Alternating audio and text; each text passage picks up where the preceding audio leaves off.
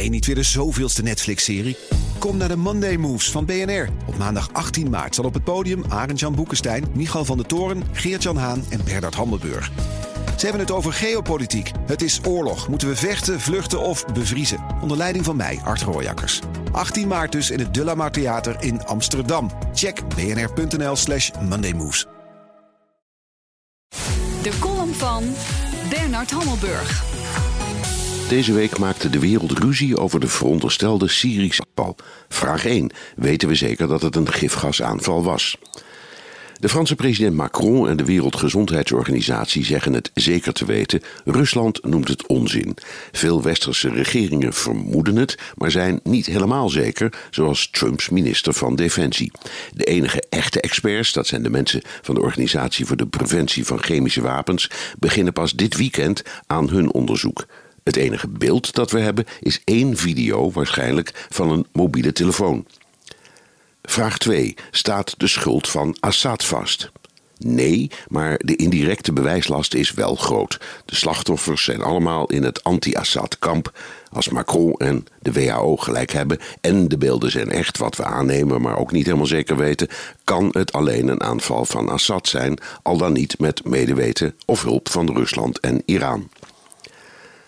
Vraag 3. Is er wel eens een vergeldingsaanval, bijvoorbeeld met kruisraketten, uitgevoerd zonder volledig en overtuigend bewijs? Meestal is dat bewijs er wel, maar niet altijd. In 1986 liet Ronald Reagan het paleis van de Libische leider Gaddafi bombarderen als vergelding voor een aanslag op een disco in Berlijn, waarbij Amerikaanse soldaten omkwamen. De aanslag was waarschijnlijk door Libiërs gepleegd, maar helemaal zeker was dat niet. De Veiligheidsraad veroordeelde die aanval. Bij andere vergeldingsacties was het bewijs redelijk overtuigend. Bill Clinton gooide in 1993 kruisraketten op het hoofdkwartier van de Iraakse inlichtingendienst in Bagdad als vergelding voor een verijdelde aanslag op zijn voorganger Bush senior. In 1998 liet hij Al-Qaeda-kampen in Soedan en Afghanistan met kruisraketten bestoken als wraak voor aanslagen op de Amerikaanse ambassades in Kenia en Tanzania. Barack Obama zette in 2011 kruisraketten in tegen Libië, Donald Trump deed dat vorig jaar tegen Syrië als vergelding voor het gebruik van chemische wapens. Vraag 4. Hebben vergeldingsacties zin? Militair gezien eigenlijk nooit. Een raketaanval of kort bombardement heeft geen invloed op het verloop van een conflict. Je verslaat er de tegenstander niet mee en het is zelfs de vraag of het moreel van de vijand eronder leidt. Het is dus vooral een politieke daad bedoeld om je eigen volk een signaal te geven dat je een oorlogsmisdrijf of aanslag niet ongestraft laat. Je zou ook kunnen zeggen: het is wraak. In de kwestie van de veronderstelde gifgasaanval zal een represaille de oorlog in Syrië met geen dag verkorten verkorten. Vraag 5. Wat levert vergelding dan op? Een gevoel van rechtvaardigheid. Je laat zien dat je een geweten hebt en dat je een grote misdaad niet ongestraft laat. En als je de fabrikant bent van Tomahawk kruisraketten, dat is Raytheon, rinkelt de kassa, want elke raket kost een miljoen.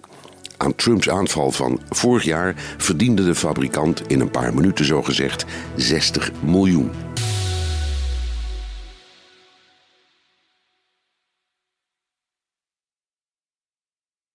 Je hebt aardig wat vermogen opgebouwd. En daar zit je dan, met je ton op de bank. Wel een beetje saai, hè? Wil jij, als belegger, onderdeel zijn van het verleden of van de toekomst? Bridgefund is een slimme fintech die een brug slaat tussen de financiële behoeften van ondernemers en van beleggers.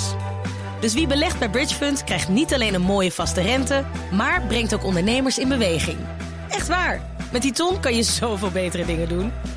Bridgefund. Make money smile.